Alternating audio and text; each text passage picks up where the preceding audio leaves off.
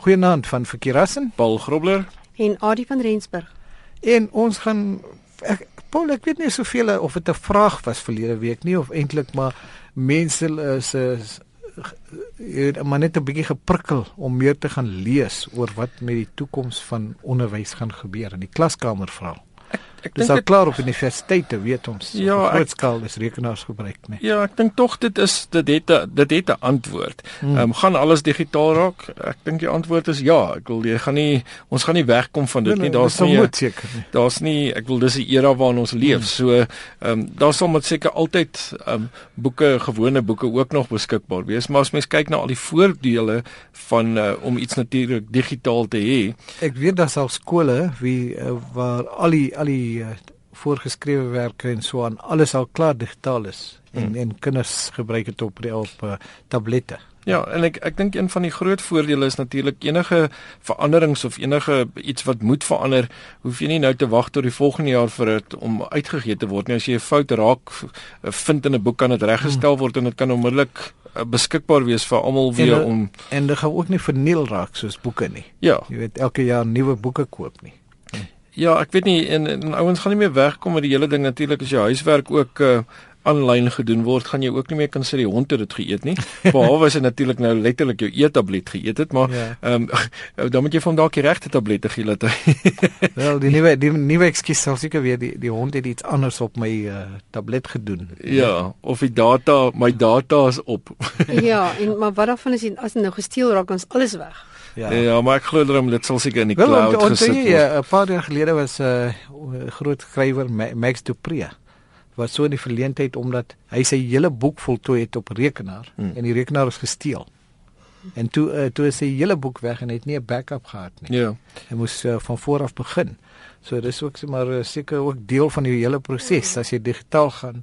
Maak seker jy het ook 'n uh, Rugsteenkopie, ja. Kopie, ja. Nee, verseker. Ja, ek kan nog onthou my my ma het ook oorgekom waar sy het haar eerste eksamen so begin tik op die rekenaars net toe hulle nou begin uitkom en dit begin toe nou die tendens raak en uh, sy het omtrent die hele eksamen klaar gedoen en uh, net voordat sy klaar is het my pa in die kamer ingekom en op 'n ongeluk die krag uitgeskop.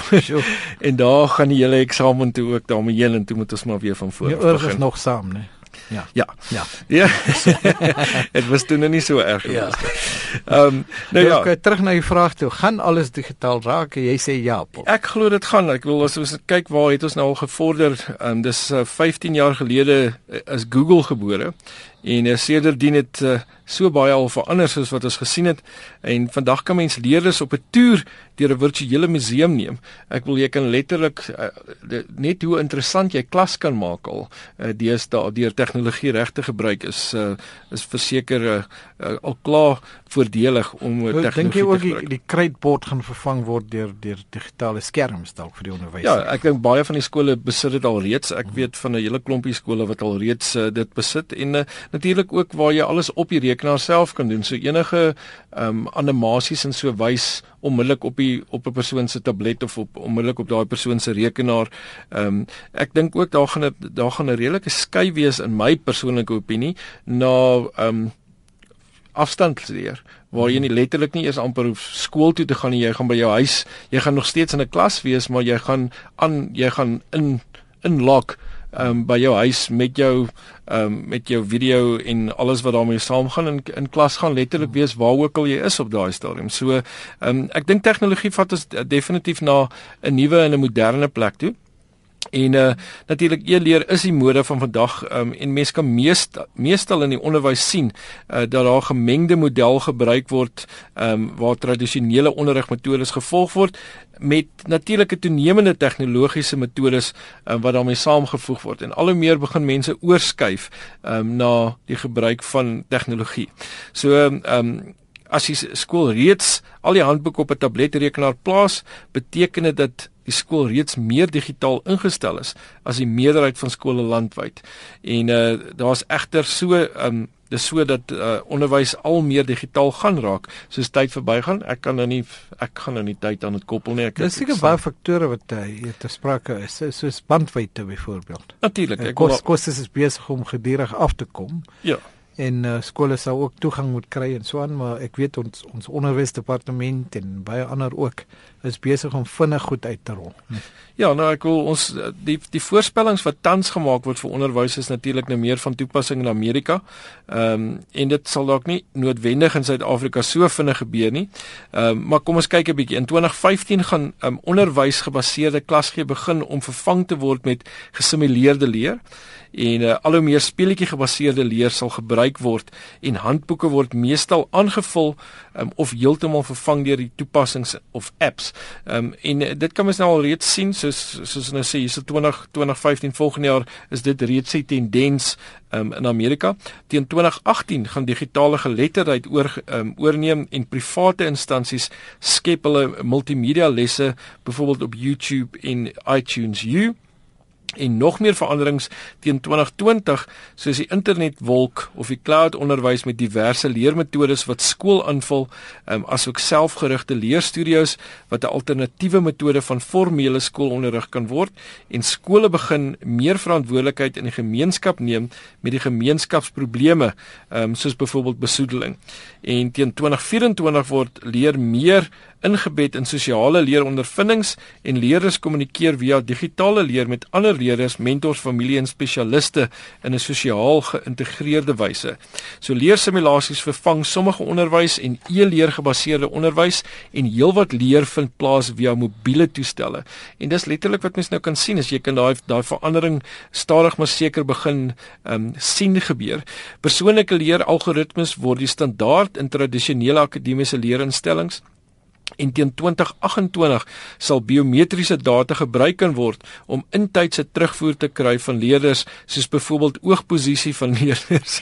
So jy gaan nou nie meer kan wegkyk as jy ja, ja. ehm ja, ja. um, jy gaan sommer onmiddellik uitgevang word. Ehm um, leers ehm um, simulasies begin om skole te vervang en skole wat nog funksioneer gebruik baie e-leer en verwante metodes soos virtuele wêrelde en vakke. En hier kan mens duidelik dit sien gebeur en uh, ek dink ook ehm um, baie van die voordele hier is is jy gaan al hoe meer kan begin optel hoe verskillende leerders leer en die stelsel gaan homself letterlik kan aanpas sodat elke persoon op sy dat die regte metode toegepas word vir daai persoon om op die regte manier te so leer. So sê nou uh, dalk 'n week van skool af moet wees met masels of sweets. Hoef jy glad niks te mis nie. Ja, dit gaan nou nie meer verskoning kan wees nie.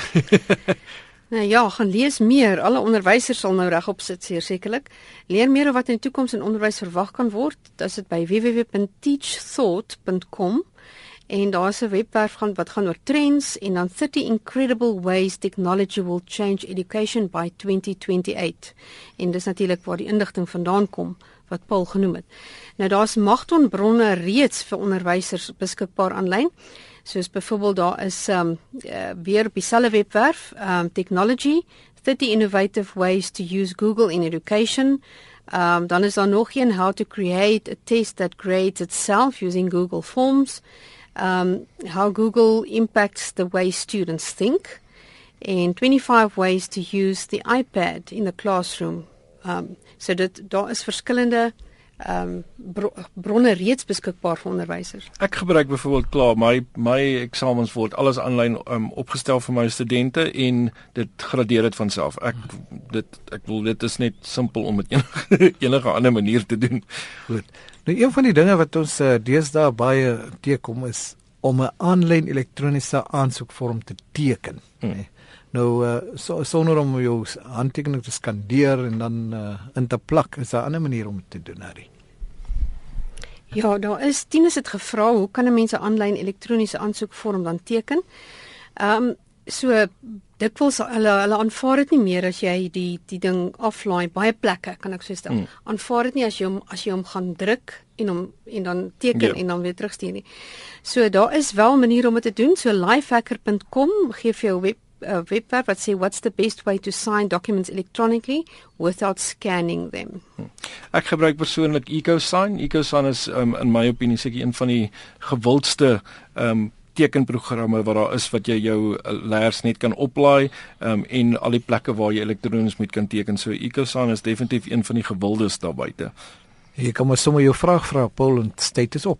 Ja, nou uh, ons uh, wil volgende week bietjie gesels en wil weet by ons luisteraars, waarvoor gebruik mens Apple Remote Desktop? Waarvoor gebruik mens Apple Remote Desktop? Um, ons gesels volgende week oor daai appel. Tot dan van Verkeerassen, Paul Grobler en Adie van Rensburg. Goeienaand.